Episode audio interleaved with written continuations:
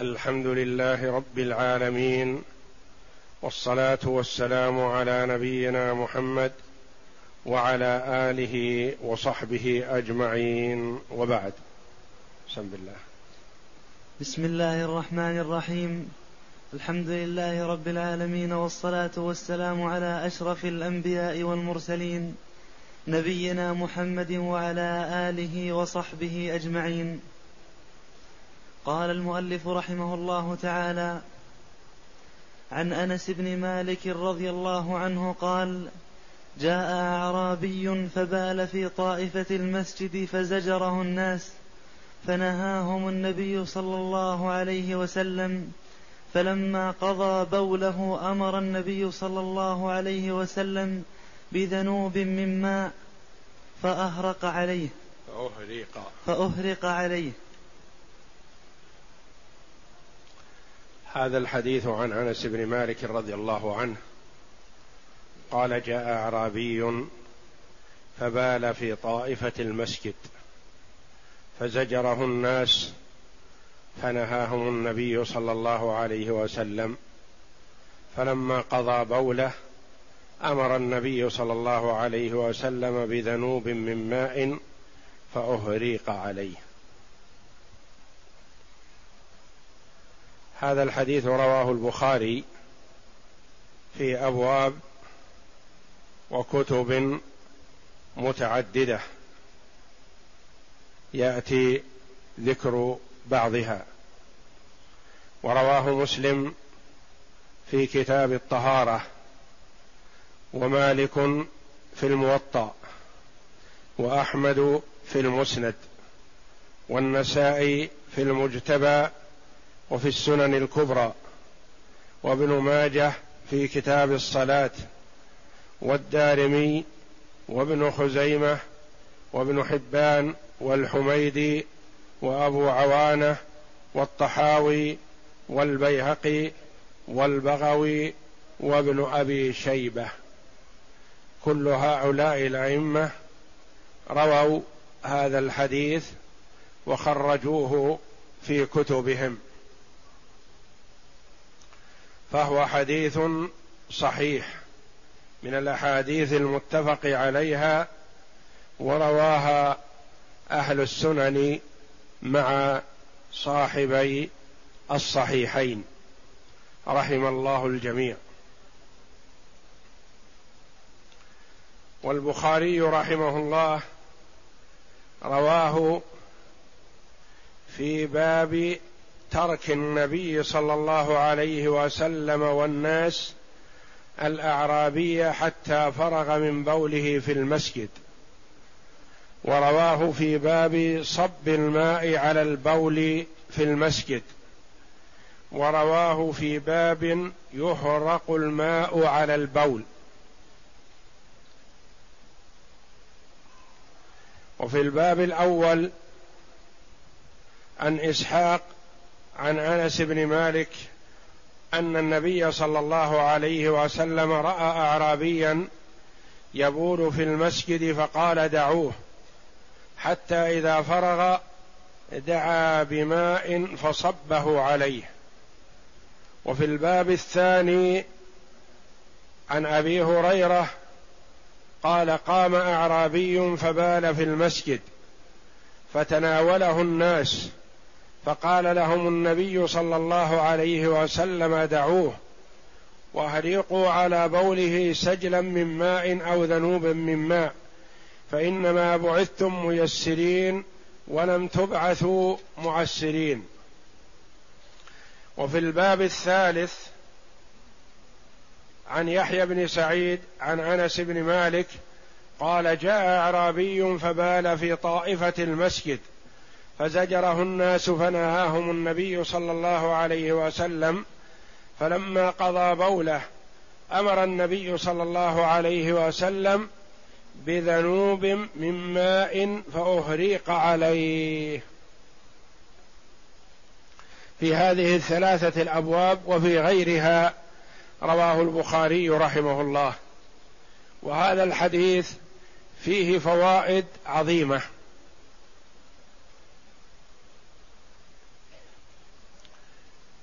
منها قول أنس رضي الله عنه جاء أعرابي.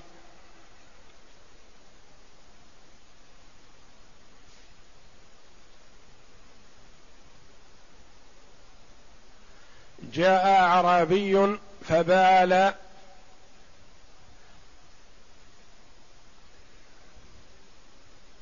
قوله أن النبي صلى الله عليه وسلم رأى اعرابيا يبول في المسجد. أعرابي. فيه أعرابي وفيه عربي. فالأعرابي ساكن البادية. سواء كان من ولد إسماعيل عليه السلام أو من غيرهم. والعربي هو ما كان من ولد إسماعيل عليه السلام.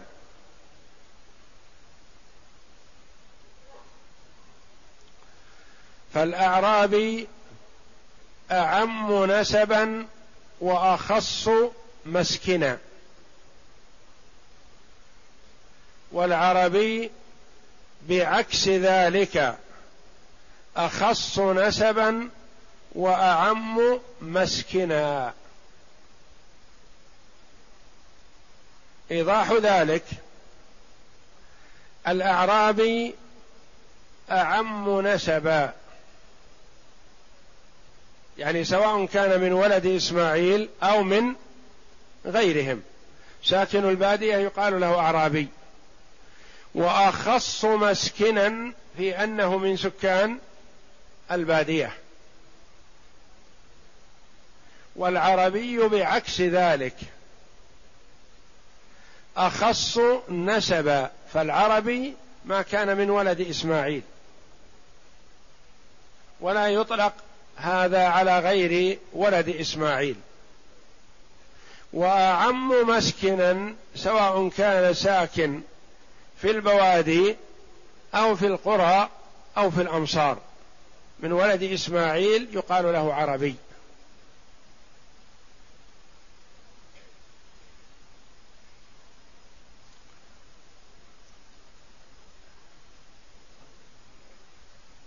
قام أعرابي.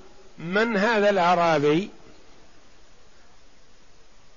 قيل عن اسمه ولا حاجة بنا لمعرفته. أي أعرابي؟ وكان من صفة الأعراب الجفا والغلظة.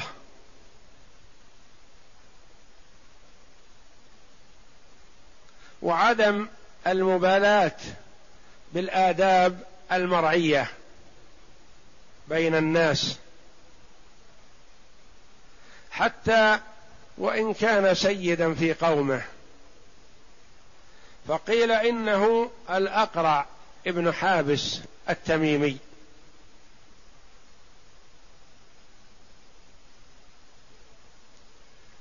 وقيل إنه ذو الخويصرة التميمي وكان جافيا. ثم أصبح بعد ذلك رأسا من رؤوس الخوارج. وقيل إنه عيينة بن حصن الفزاري. فهو من سكان البادية وإن كان سيدا في قومه. قام فرفع عن ثوبه وبال في طائفة المسجد. البول معروف ما يخرج من الذكر وهو نجس. وطائفة المسجد طائفة بمعنى ناحية. النبي صلى الله عليه وسلم والصحابة رضي الله عنهم جالسون في المسجد فقام من بينهم ورفع ثوبه وبال. في داخل المسجد والمراد بأل التي في المسجد للعهد المعروف الذي هو المسجد النبوي. وليس المراد أنه أي مسجد وإنما قال فبال في المسجد.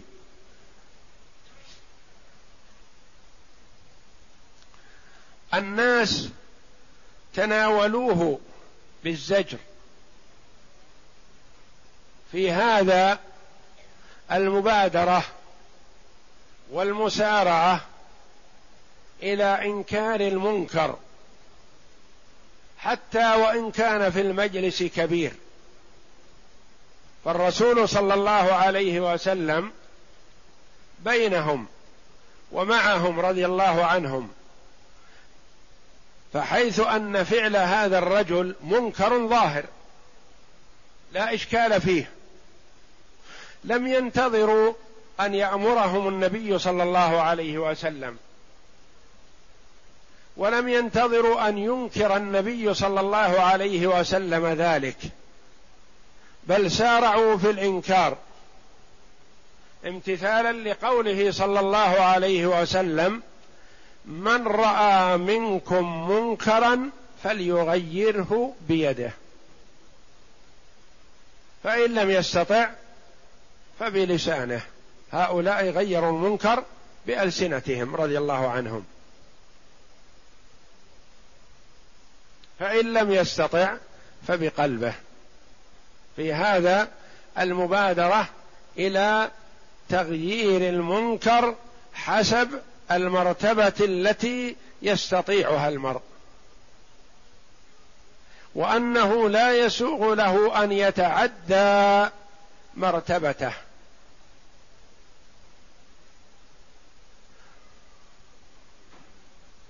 لا تستطيع أن تغير المنكر بيدك غيره بلسانك. فلا يجوز لك أن تغيره بيدك وأنت لا تستطيع وليس لك.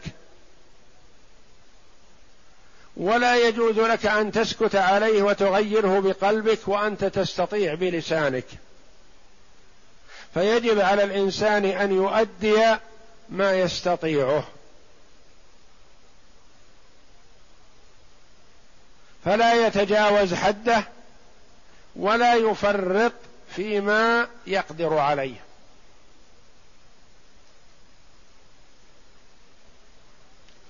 والنبي صلى الله عليه وسلم نهاهم. ولم ينكر عليهم ولم يؤنبهم أو يلومهم بل أقرهم على تغيير المنكر لكنه قال انتظروا فيه.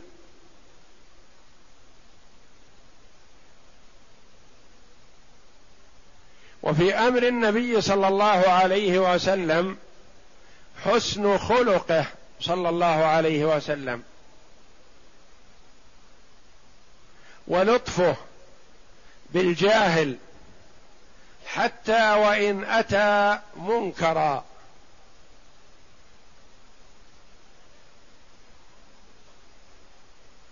وأن الجاهل قد يعذر في بعض الأمور ما لا يعذر العالم.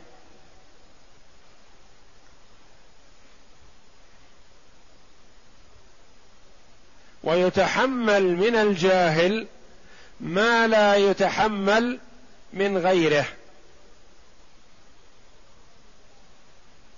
وعمر رضي الله عنه لما جابه أحد الجفاه بكلام غير مناسب ولا لائق بعمر هم أن ينتقم منه.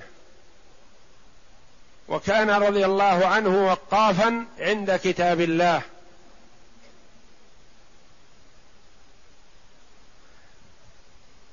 فعندما قال له أحد القراء إن هذا يا أمير المؤمنين من الجاهلين وقد أمر الله بقوله وأعرض عن الجاهلين وقف رضي الله عنه.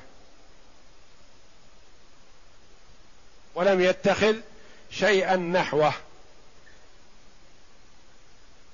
فالجاهل قد يتحمل منه ما لا يتحمل ممن يعلم ويعرف.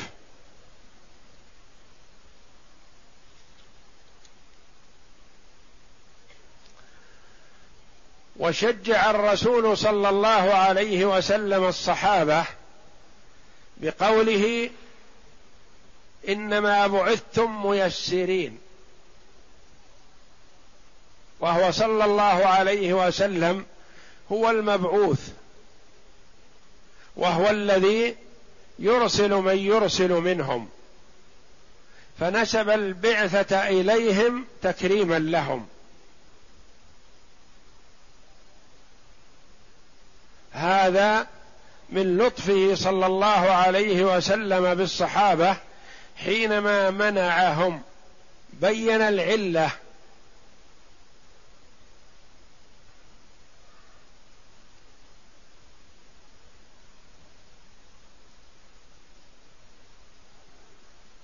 فلما قضى بوله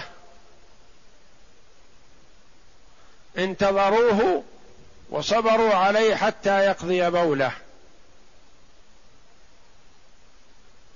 وتظهر حكمة الرسول صلى الله عليه وسلم وبعد نظره عليه الصلاة والسلام مع أن ما فعله الرجل خطأ. وجهل ولا يليق البول في المسجد. لكن أيهما أحسن أن يترك على بوله فيجتمع بوله في مكان واحد؟ أم يزجر فيقوم ويمسك من البول؟ ما الذي يترتب على ذلك؟ اولا الضرر في بدنه لأن المرأة إذا أرسل البول ثم أراد إمساكه بسرعة تضرر. الثاني تنجيس ثيابه وبدنه لأنه لا يستطيع إقفاله بحكمة من أول مرة بل سيخرج منه شيء. الثالث أنه سيذهب يهرب ربما يهرب وهو يبول باختياره أو بدون اختياره. فتكون النجاسة عامة في المسجد.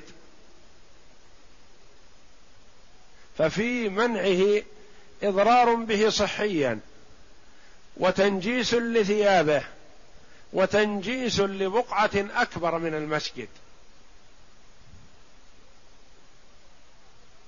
فيؤخذ من هذا قاعدة احتمال أخف الضررين تفاديا لما هو أعظم. فإذا فعل فاعل المنكر وأردنا الإنكار عليه. لننظر. هل في إنكارنا عليه مصلحة وفائدة؟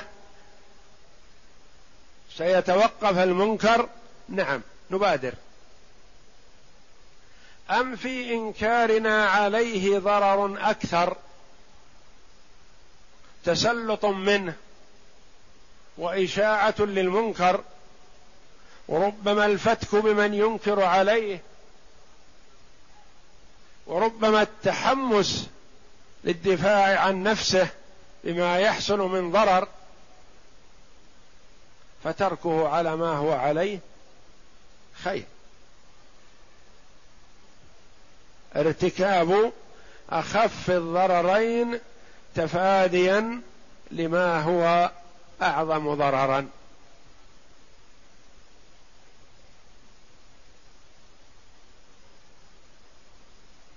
ونقل عن شيخ الإسلام ابن تيمية رحمه الله أنه قيل له إن ها هنا جماعة يشربون الخمر فهل نذهب ننكر عليهم؟ فقال دعوهم. ما هم فيه أخف ضررا على المسلمين مما لو أنكرنا عليهم. في مكانهم يشربون الخمر ضررهم على نفسهم. إذا أنكرنا عليهم تركوا الخمر وعثوا في الأرض فسادا. فما هم فيه أخف ضررا.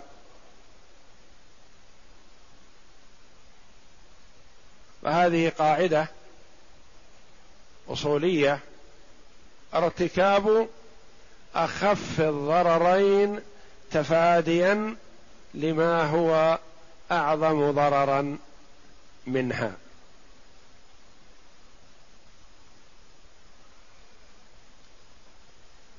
البول حصل والمنكر حصل في المسجد.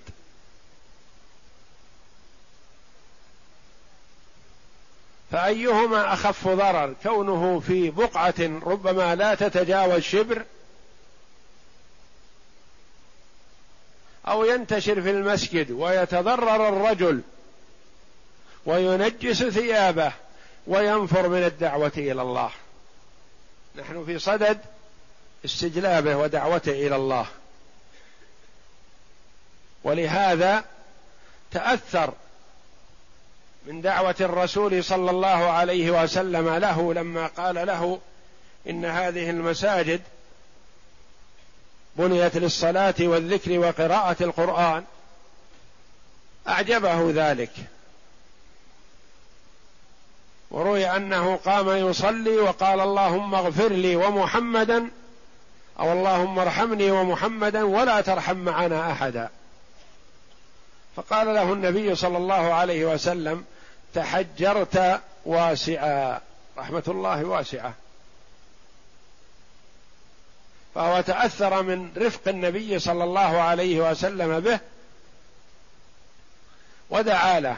لكن لو زجره النبي صلى الله عليه وسلم وحاشاه عن ذلك عليه الصلاة والسلام ماذا تكون النتيجة؟ حكمة النبي صلى الله عليه وسلم وبعد نظره ولطفه بالجاهل ورفقه. بالوافد إليه سواء كان متعلما أو غير متعلم.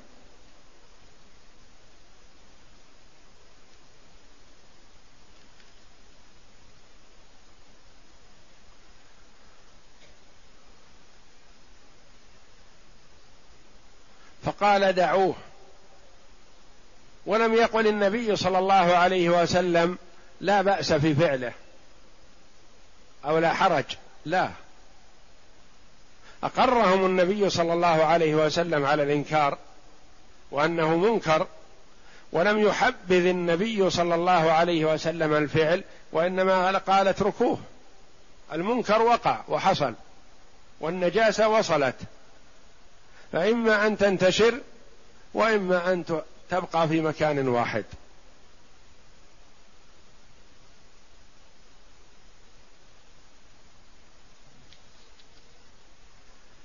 وأهريقوا على بوله سجلا من ماء أو ذنوبا من ماء. يعني إذا انتهى وأكمل فأهريقوا. فيه يؤخذ منه السرعة في تغيير المنكر. حسب الإمكان.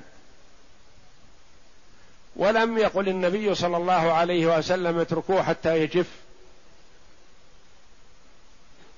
أو تجففه الشمس. قال إذا انتهى فأهريقوا عليه. صبوا عليه بادروا. المبادرة في تفادي الشيء وعدم الإمهال. وقال على بوله يعني على نفس البول. فيه دليل على أنه لا يلزم أخذ التراب وإزالته. قال يصب عليه. ما قال عليه الصلاة والسلام ارفعوا ما أصابه البول وأهريقوا على المكان كذا. قال أهريقوا عليه. والتراب بحاله. واهريقوا على بوله سجلا. السجل والذنوب والدلو ما كان فيه ماء إناء فيه ماء.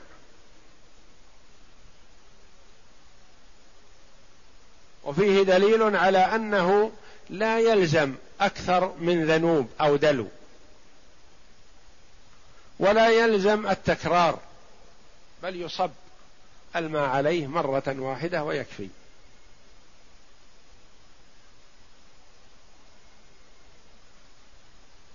قال بعض العلماء يحسن أن يكون سبعة أمثال النجاسة.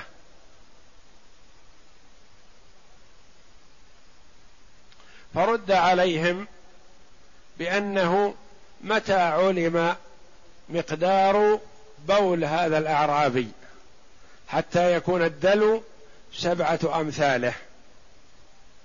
ولا يعلم مقدار هذا الدلو والنبي صلى الله عليه وسلم قال ذنوبا من ماء أو سجلا من ماء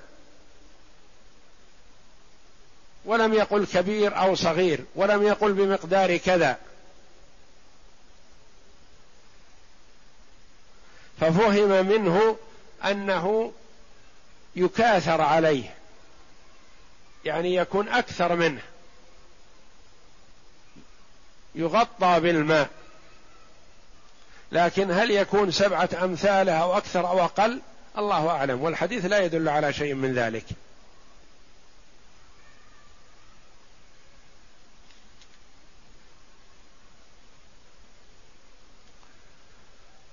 وفيه أن الأرض المتنجسة يصب عليها الماء سواء كانت الأرض صلبة أو رخوة. وفرق بعض الأحناف قالوا إن كانت صلبة فتحفر حتى يدخل الماء. وإن كانت رخوة فيصب الماء عليها ويكفي ويدخل. ونقول من أين هذا التفريق؟ ما قال النبي صلى الله عليه وسلم احفروها ولا أزيل التراب ولا حركوا التراب وإنما قال صبوا عليه. ثم إذا صب الماء وانتقل من مكان إلى مكان آخر فيعتبر هذا الماء طاهر وليس بنجس. لأن ما غسلت به النجاسة فهو طاهر. قال بعض العلماء إلا إن كان معه عين النجاسة فتبعد.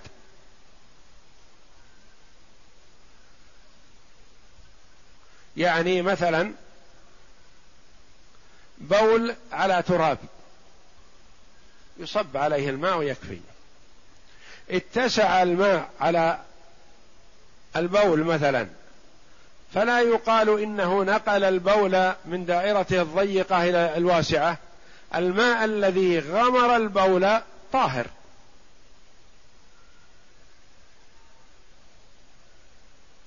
يقول قائل مثلا البول على بلاط. نقول أزل أثر النجاسة وصب الماء وتطهر الأرض.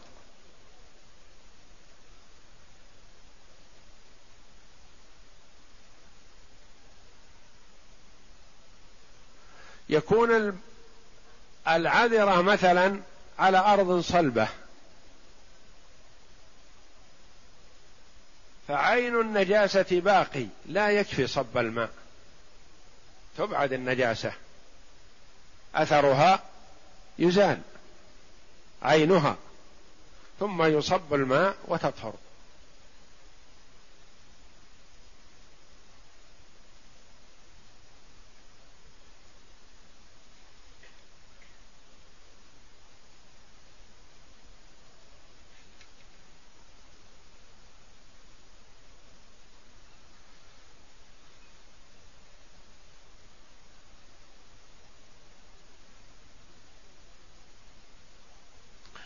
وفي هذا الحديث تعظيم المساجد وحرمتها من أن تقذر بالنجاسات أو بالمعاصي أو بأن يعمل فيها المعصية أو يشرب فيها الخمر أو يعصى فيها الله تعظيما لها واحتراما لأنها أحب البقاع إلى الله.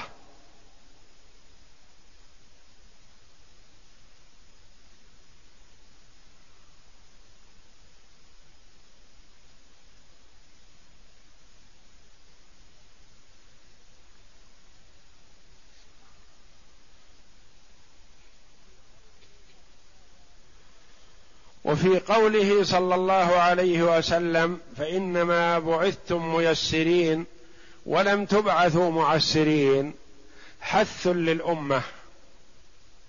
على ما خير بين أمرين إلا اختار أيسرهما ما لم يكن إثما كما قالت عائشة رضي الله عنها. وكان عليه الصلاة والسلام إذا بعث الأمراء والولاة والقضاة والدعاة إلى الله يأمرهم بالرفق والتيسير والتسهيل على الأمة.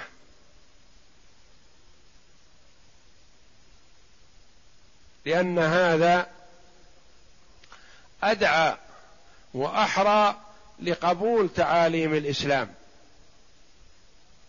فالله جل وعلا ما جعل على هذه الأمة من حرج في دينها. وقال وقال الله جل وعلا فإن مع العسر يسرا إن مع العسر يسرا. وقال النبي صلى الله عليه وسلم لن يغلب عسر يسرين. فاليسر في هاتين الآيتين مكرر مرتين. والعسر مرة واحدة. لأن العسر معرف بالألف واللام. والمعرف بالألف واللام إذا رد فهو الأول. واليسر نكرة. والمنكر إذا جاء رد فهو غير الأول. تقول جاء رجل فأكرمت رجلا. ما يفهم أنه الأول غيره. نكرة. وتقول جاء الرجل فأكرمت الرجل. يفهم أنه هو الأول. فالنكرة إذا كرر فهو اثنان. والمعرفة إذا كرر فهو واحد. ولذا قال النبي صلى الله عليه وسلم لن يغلب عسر يسرين. فإن مع العسر يسرا. إن مع العسر يسرا. فالعسر واحد لأنه معرفة. واليسر اثنان لأنه نكرة. والله جل وعلا يقول ما جعل عليكم في الدين من حرج.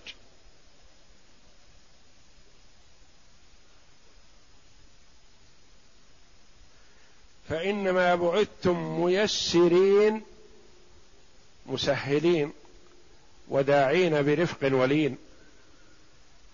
ولم تبعثوا معسرين مشددين.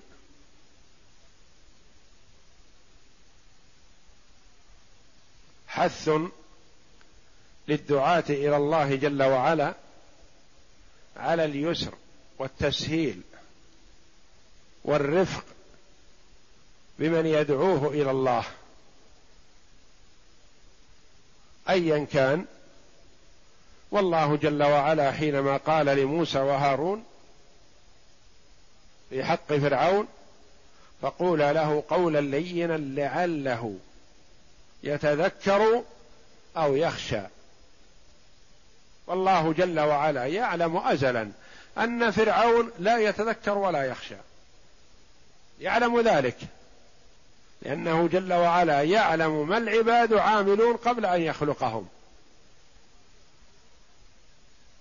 ويعلم أصحاب اليمين من أصحاب الشمال وهم في صلب آدم.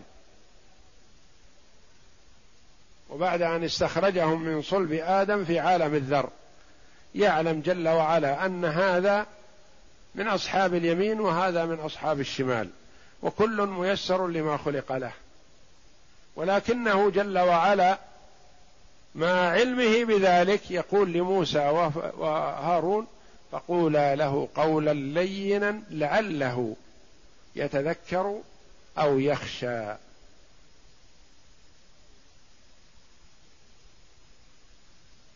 فإنما بعثتم ميسرين ولم تبعثوا معسرين. ففهمنا من هذا الحديث فوائد عظيمة خاصة وعامة في باب الطهارة وفي باب الآداب وفي باب الدعوة إلى الله وفي باب الرفق.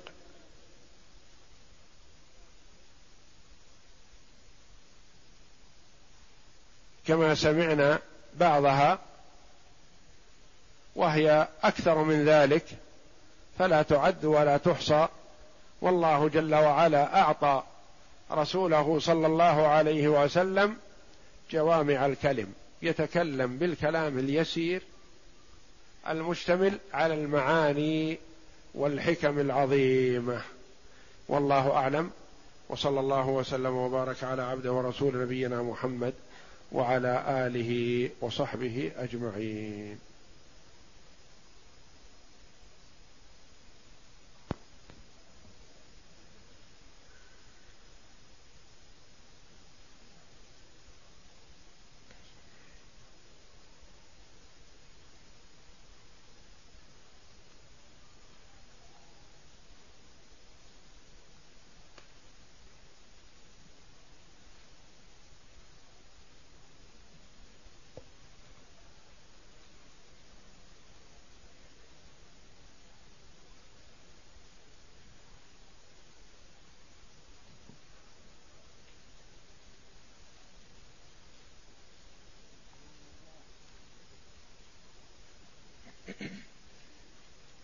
يقول السائل متى يبدأ وقت صلاة الضحى ومتى ينتهي؟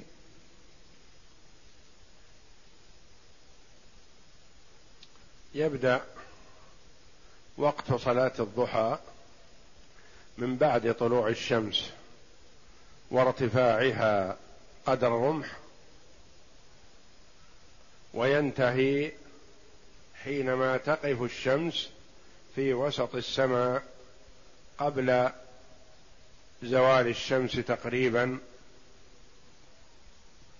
بعشر دقائق. قبل دخول وقت صلاة الظهر بعشر دقائق. يعني من بعد طلوع الشمس بعشر دقائق تقريبا إلى ما قبل وقت صلاة الظهر بعشر دقائق. كل هذا وقت لصلاة الضحى. وأقلها ركعتان. قال بعض العلماء لا حد لأكثرها صل ما تيسر لك. وقال بعضهم وأكثرها ثمان ركعات. كل ركعتين بسلام. وأفضل وقت تصلى فيه حينما ترمض الفصال كما قال صلى الله عليه وسلم صلاة الأوابين حين ترمض الفصال. يعني حينما يرفع الفصيل رجله عن الأرض لشدة حرارة الرمضاء.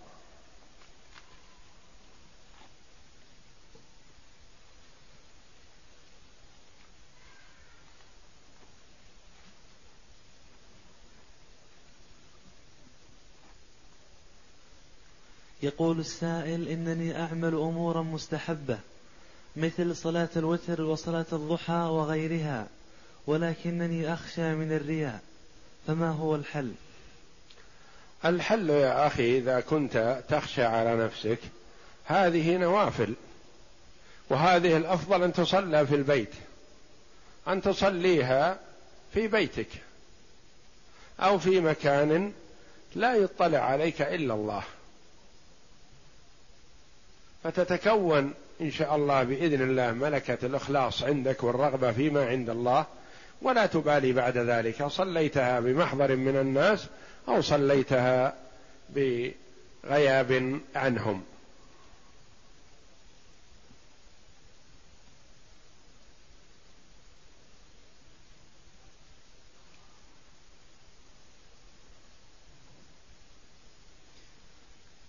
يقول السائل ما معنى الأعراب أشد كفرا ونفاقا؟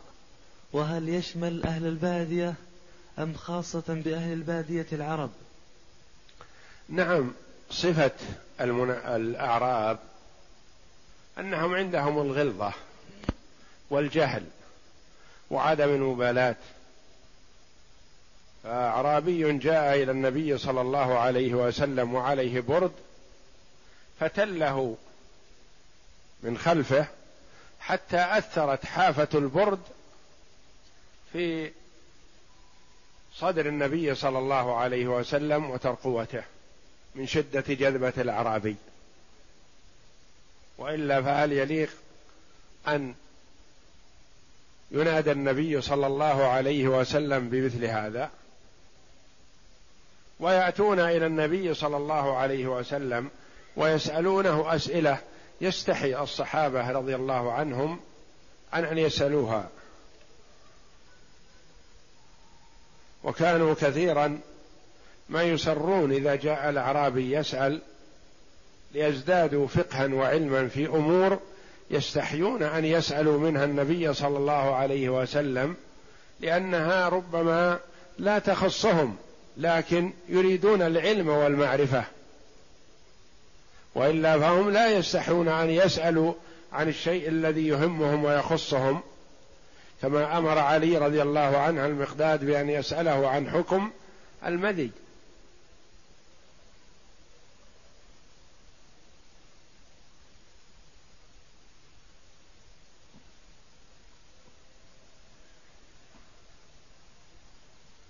يقول السائل هل يجوز للرجل أن يذكر الله ويصلي إذا حبس في الحمام أو غيره من الأماكن المستقذرة لفترة يوم أو يومين.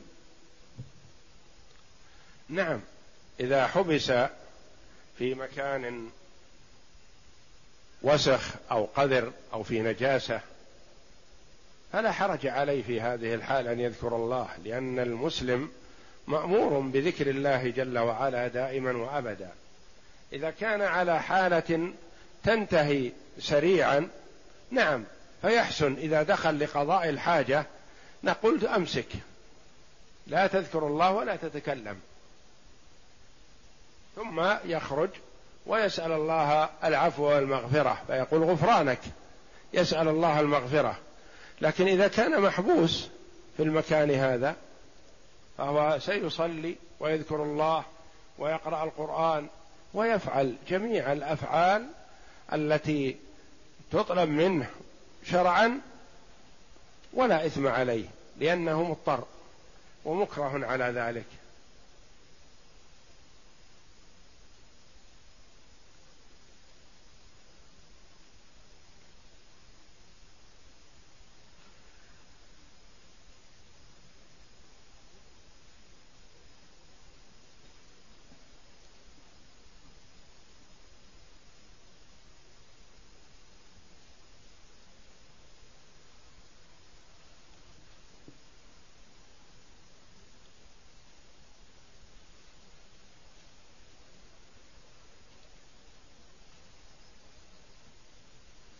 يقول السائل رجل زنى في بلده وهي بلد كفر المسلمين فيها مستضعفين وتاب بعدها وهو الآن مقيم بالمملكة. هل يجوز له أن يقدم نفسه للقضاء كي يقام عليه الحد أم يستتر؟ الواجب عليه أن يستتر بستر الله جل وعلا ولا يخبر عن نفسه ولا يفضح نفسه بل يتوب إلى الله جل وعلا. فإذا تاب توبة صادقة فالله جل وعلا يتوب عليه.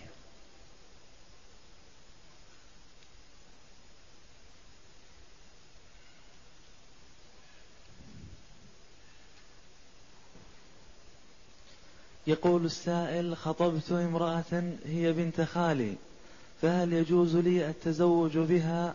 وأبوها لا يصلي وهي تصلي.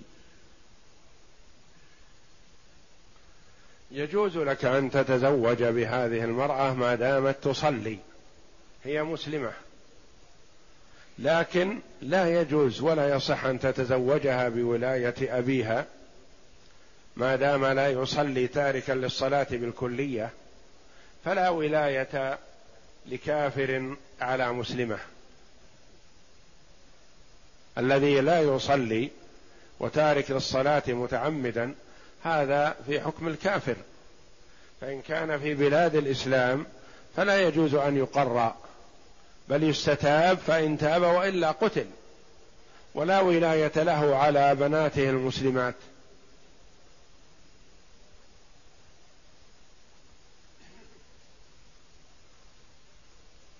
فإذا تزوجتها فلا يكن ذلك بعقد من أبيها لأنه ما دام تاركا للصلاة بالكلية فلا ولاية له. وابحث عمن يليه في الولاية وليحضر العقد أو لينب أو ليتكلم عن نفسه بالتزويج.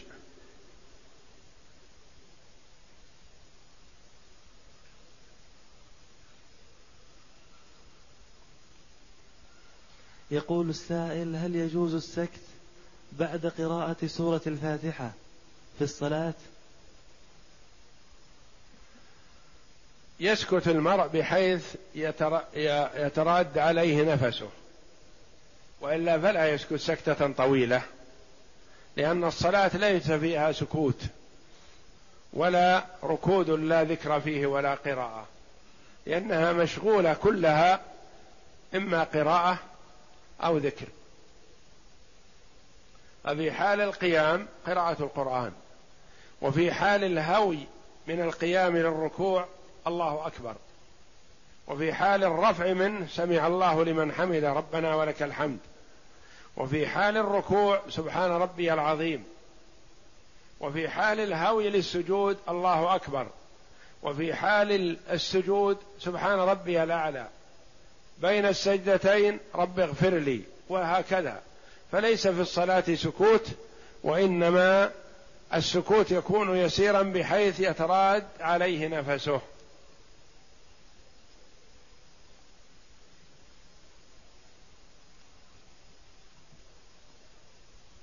يقول السائل بعض المصلين يضم يديه على صدره عند الرفع من الركوع وبعضهم يتركها ممدودة.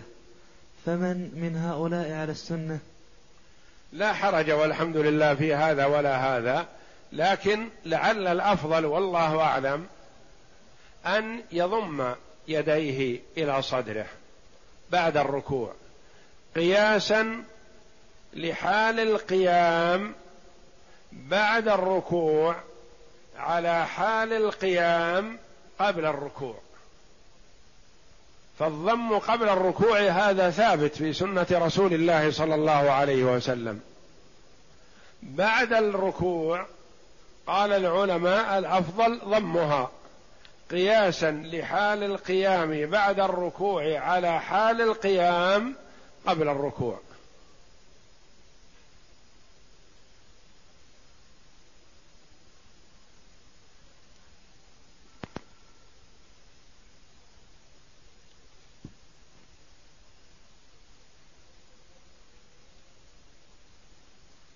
يقول السائل هل يجزئ المنظفات في تنظيف الأرض المتنجسة؟ المنظفات هذه لا تكفي لتطهير النجاسة. لا يخلو المنظف هذا إذا وضع على شيء وسخ لكن ليس بنجس فيكفي. لكن إذا وضع المنظف هذا على البول منظف فقط ما يكفي لإزالة النجاسة. لأن المنظف هذا ليس مطهر. ليس كالماء الطاهر في نفسه المطهر لغيره. وأما إذا كان مجرد وسخة مثلا كروث إبل أو بقر أو غنم فوضع عليه المنظف ومسح يكفي لأن هذا للتنظيف لا للتطهير. فالتطهير يكون بالماء والتنظيف يكون بأي منظف.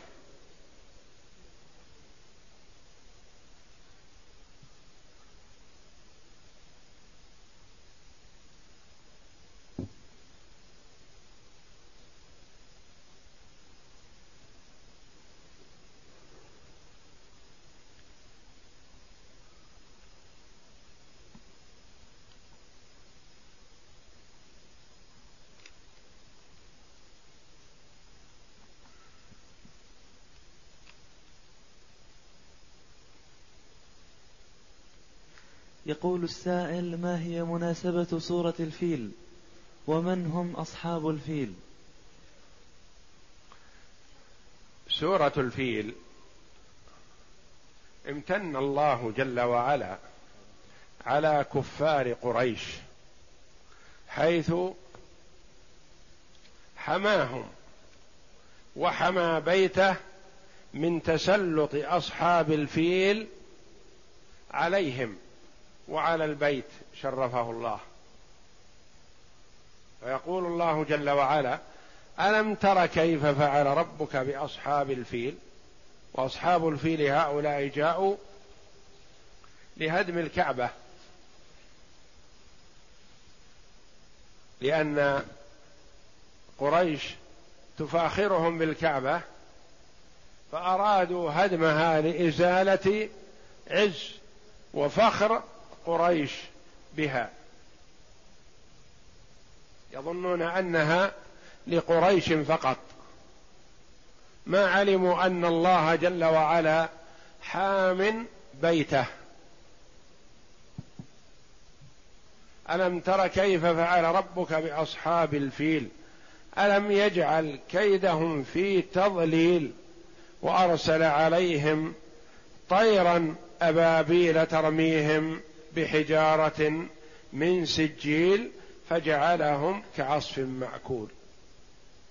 أهلكهم الله جل وعلا لما أرادوا هدم الكعبة شرفها الله وحماها الله جل وعلا من شرهم وكيدهم.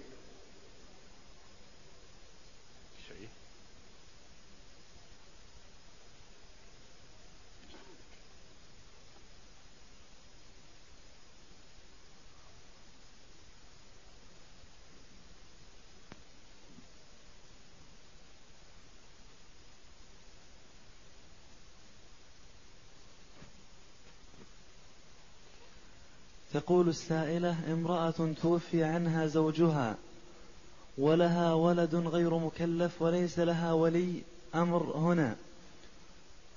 وتقدم وتقدم رجل لخطبتها هل يجوز لها أن تولي رجلا آخر ليكون لها ولي أمرها وهي راغبة بالزواج أو ماذا تفعل؟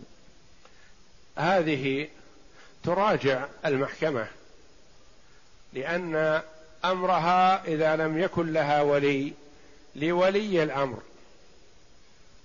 وولي الأمر أناب القضاة عنه في تزويج من لا ولي لها.